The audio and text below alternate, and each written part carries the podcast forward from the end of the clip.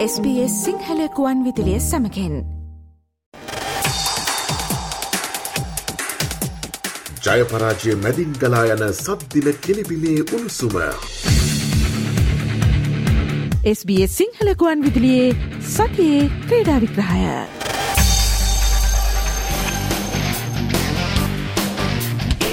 අයිබෝවන් SBS සිංහල සේවේ සතිය ක්‍රඩා විග්‍රහයින් අපි අද පළමුුවෙන්ම අවධානයොමු කරන්නේ දෙදහස් විසිතුන ලොක කුසලාන ක්‍රික තරංගාවලිය වෙතයි. දෙදහස් විසිතුන ලොක කුසලාන ක්‍රික තරංගාවලියට සහභාගි වන ශ්‍ර ලංකා ක්‍රිකට් සංචිතය මේ වන විට නම් කර තිබෙනවා. ඒ ක්‍රඩාමාතිවරයාගේ අනුමැතිය සඳහා යොමු කර ඇති බවයි මේ වන විට වාර්තාවන්නේ. එහිදී දසුන් ශානක නායකත්වෙන් ඉවත් කිරීම පිළිබඳව දීර්ඝ ලෙස සාකච්ඡා කෙරුණු බවට තොරතුරු වාර්තා වූ අතර අවසන් මොහොතේදී ඔහුව නැවතත් නායකත්වයට පත් කිරීමට තේරම් කමිටුව පියවරගත් බවයි වාර්තා වුණේ. ලෝක කුසලාන තරංගාවලියට සහභාගි වන කණ්ඩායම් නම් කරවීම සඳහා ICC ලබා දී ඇති අවසන්දිනය වන්නේ සැත්තැම්බර් විසියාට වනදායි. ශ්‍රී ලංකාපිල එලබෙන විසි හය වනදා ලෝක කුසලාන තරංගාවලිය සඳහා පිටත්වයාමට නියමිත අතර ඊට පෙර තරංගාවලිට එක් වන ක්‍රඩකින් පහලොස් දෙනා නම් කිරීමට නියමිතයි. මේ වන විට තරගාවලියට එකතු වන රටවල් හතක් තම කණ්ඩායම් නම් කර තිබෙනවා. වනිදු හසරංග ඇතුළු ක්‍රඩකින් කිහිප දෙනෙකුගේ ආබාධ පිළිබඳව අවසන් වෛද්‍ය වාර්තාව ලැබෙනතුරු කණ්ඩායම ඉතිරි සාමජිකින් නම් කිරීම ප්‍රබාධ වන බවයි වාර්තාවන්නේ. එලබෙන ඔක්තෝම්බර් පස් වනදා ලෝක කුසලාන ක්‍රික තරංගාවලිය ආරම්භ වන අතර ඊට පෙර ශ්‍ර ලංකාපිල බංගලාදේශය සහ ඇෆ්ගනිස්ථානය සමඟ පුහුණු තරඟ දෙකට සහභාගිවීමට නීමිතයි.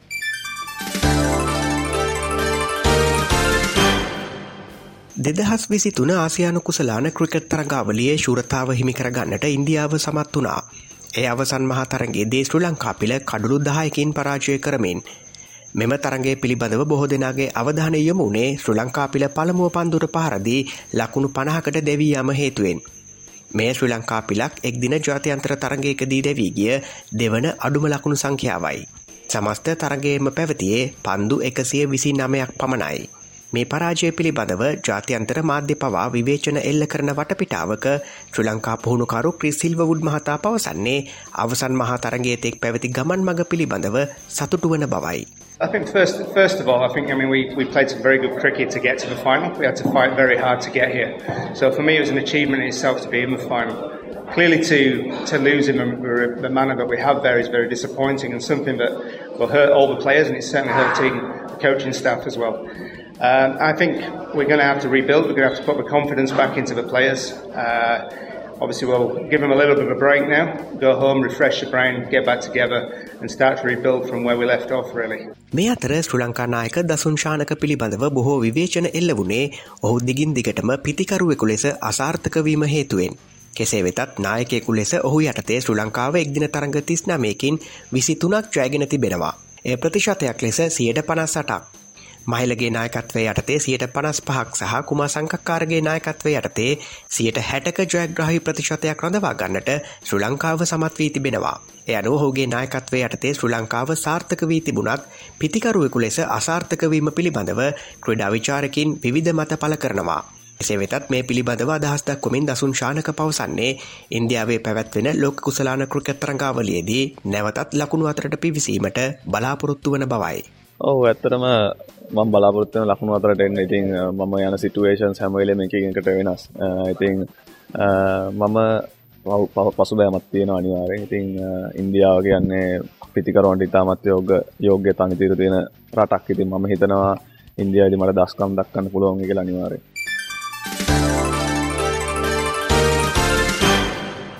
ඔස්ට්‍රේලියාවේදී නිමාවට පත්තු T20 ලෝක කුසලාන ක්‍රිකට් තරංගාවලිය ආශ්‍රිතව ශ්‍ර ලංකා ක්‍රිකට් ආයතනය සිදු කළ වේදම් සම්බන්ධයෙන් විගණන වාර්තාව පසුගේදා පාර්ලිමේන්තුවේදී සභාගත කෙරුණා. මේදී විගණකාධිපතිවරයා විසින් එම සමස්ත වාර්තාවට අදාළව නිර්දේශ විසි හයක් ඉදිරිපත් කර තිබෙනවා. ඒ අනුව මෙම වාර්තාවට අනුව ශ්‍ර ලංකා ක්‍රිකට ආයතන නිලධාරීන් කෝප් කමිටුව හමුවට කැඳවන ලෙසට ඉල්ලා ලිපියක් පසුගේදා කතානායකවරයා වෙත ඉදිරිපත් කෙරුණා. ඒකෝප් කමිටුවේ සියලු සාමාජිකයෙන් විසින්.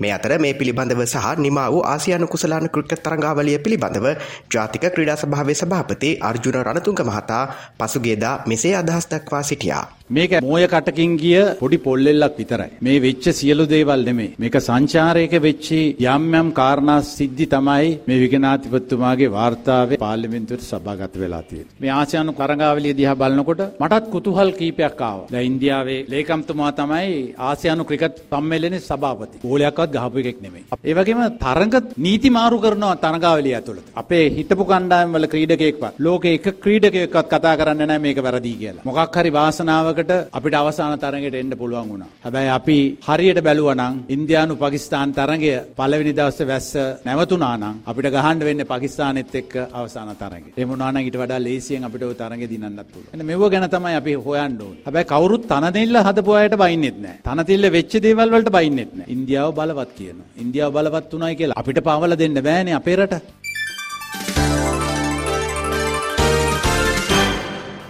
දෙදහස් විසි තුන ආසියානු ක්‍රීඩා උළෙලට සහභාගි වන ශ්‍රී ලංකා පිරිමි සහ කාන්තා ක්‍රිකට් කණ්ඩායම් පසුගේදා නම් කලා පිරිමි ක්‍රිකට් කණ්ඩායමේ නායකත්වයට සහනාරච්චිගේ පත් කර ඇති අතර චමරි අතපත්තුගේ නායකත්වයෙන් යුතුව කාන්තා ක්‍රිකට් කණ්ඩායම තරංගාවලියට එක්වීමට නියමිතයි.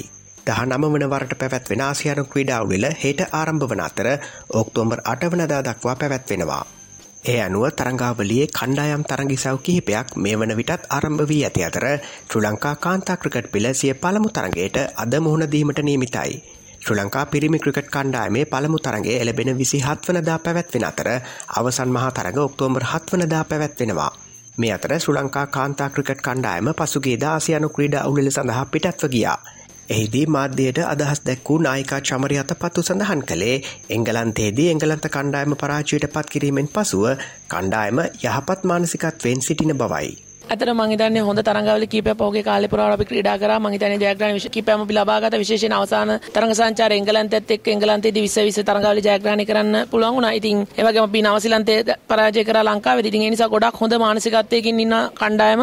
ඉතින් හොඳ කණ්ඩායමක් ලැබිලා ඉන්නවා. අත්දැකීම් බහුල ක්‍රීඩිකාවන් රැසක් ඉන්නවා. ඒ වගේම යොවුන් දක්ෂ ක්‍රීඩිකාවන් රැසක් ඉන්නවා. මං හිතන්නේ ඔවුන්ගේ දක්ෂතා අපිට බලා ගන්න පුළුවන් වේවි ආසියානු කුසලානේදී. හොඳ සූදානමක් තියෙනවා කණ්ඩායම. විශේෂයෙන්ම අපි ආසියාවේ අනුශූරයන් ගිය වසරේ ඉතින් මේ වසරේ අපේ බලාපොරොත්තු බලාපොරොත්තු ආශාවේ ශූරයන් එක රන් පදක්කම ලංකාවට ගෙනත් දෙන එක. ඉතින් තරගෙන් තරගෙ හොඳින් ක්‍රීඩා කරන්න බලාපොරොත්තු වෙනවා.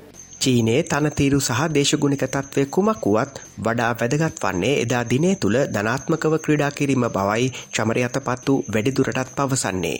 දෙදස් දොලහ මම චීනය සංචාරක ක්‍රඩා කර. ඉති මහිතන දැන්ට අවුරදු දොලාහකට විතර කලින්. ඉතින් ඒවක වන තිබ තරන් තන්තිලිවලට වඩ අනිවාර වෙනස්සේ කියල හිතන ම පොඩක් හොල බැලව. මහිතන්නේ ග්‍රීන් කඩිෂන් තියෙන්නේ. ඇබ අපිට එතන්න ගිල්ලා එද දවසේ පලන පන්දු ක්‍රඩා කරන කියන්න බෑ. තනතිරක විතර ඇසරේද කියලා. ඉතින් අපිට තියෙන් අප අපි හරිදවල් කරන එක. තින් ෆෝමට්ගේ මෝද හරිට කරන දේවල් කරන එක. විශේෂයෙන් බැටර්ස්ලා පොසිටිව් සෙල්ලම් කරන එක ෆියර්ලස් සෙල්ලම් කරන එක ඒ වගේම බෝලර්ස් හරි ලයින් ලෙන්තල බෝල් කරන එක. ඉතින් අපි හරියට සෙල්ලම් කරොත් කන්ඩිෂන් කියන්නේ අපිට ජෙස් වෙන්න පුළුවන් දෙයක්. ඉතින් හරියට ජෙස් වුණොත් අපිට තරඟ ජයග්‍රහණය කරන්න පුළුවන්.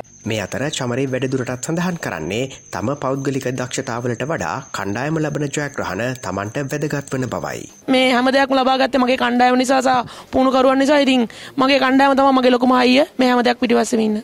මේ අතර ශ්‍රී ලංකා කාන්තා ක්‍රිකට් කණ්ඩායමේ උපදේශිකාවක ලෙස කටයුතු කරන සුසන්තිකා ජයසිංහ පවසන්නේ ඉතා ජව සම්පන්න කණ්ඩායමක් මේ වන විට සිටින බවයි. ඇත්තටම ඒගොල්ලන්ගේ මේ ජයග්‍රහණය කර මනසහදන්න හරි ලේසි. ඉතින් හොඳ හොඳ කෙල්ලො ටිකක් ඉන්නේ. ඇත්තටම ෆිසිකල් වලදුනත් කවුරුත් එහෙම ඇඹරෙන්නේ පස්සට යන්න. ඉතින් හොඳ ජව සම්පන්න කණ්ඩායමක්. ඒ වගේ තමයි ඒ කණ්ඩායමත්. ඉතින් ඒ සියලුම දෙනා එක්ක මම කටයුතු කරනවා. ඉතාමත් පහසුයි සතුටුයි ඇත්තටම මේ හොඳ ශක්තිමත ක්‍රීඩා කරනවා.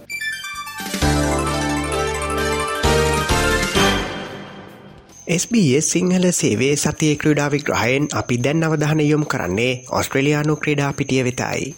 සංචාරක ඔස්ට්‍රලයානු ක්‍රිකට් පිල සහ දකුණු අප්‍රිකාවතර පැවති තරග පහකින් සමන්විත එක්දින තරඟාවලිය තුනට දෙකක් ලෙසචය ගන්නට දකුණු අප්‍රිකාව සමත් වනා දෙරට අතර පැවති පස්වන සහ අවසන්නෙක් දින තරගෙන් දකුණු අප්‍රිකානු පිලට ලකුණු එකසියානු තුනක ජොයක් හිමි වුණා.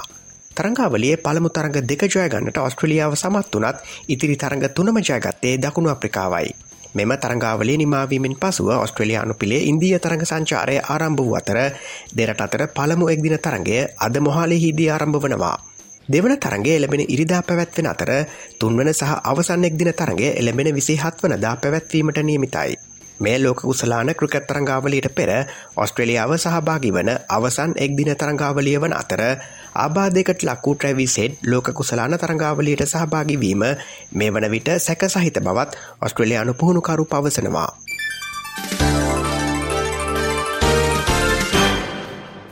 ලෝකකුසලාන රක්බි තරංගාවලිය මේ දිනවල ප්‍රංශයේදී පැවැත්වෙනවා. එහිදී සීකාණ්ඩෙන් තරංගාවලියට එක්වන ඔස්ට්‍රලියාව මේ වන විට තරඟ දෙකට සහභාගිවී ඉන් එක් තරගයක් ඡයගෙන එක් තරගයක් පරාජයට පත්වී තිබෙනවා. පසුකේදා ෆීජි කණ්ඩායම සමඟ පැවති තරගෙන් ඔස්ට්‍රලියාව ලකුණු විසි දෙකට පහළවක් ලෙස පරාජය ලැබවා. මේ හේතුවෙන් ඔස්ට්‍රලියයානු පිළ සීකාණ්ඩේ තුන්වන ස්ථානයට පත්වී තිබෙනවා.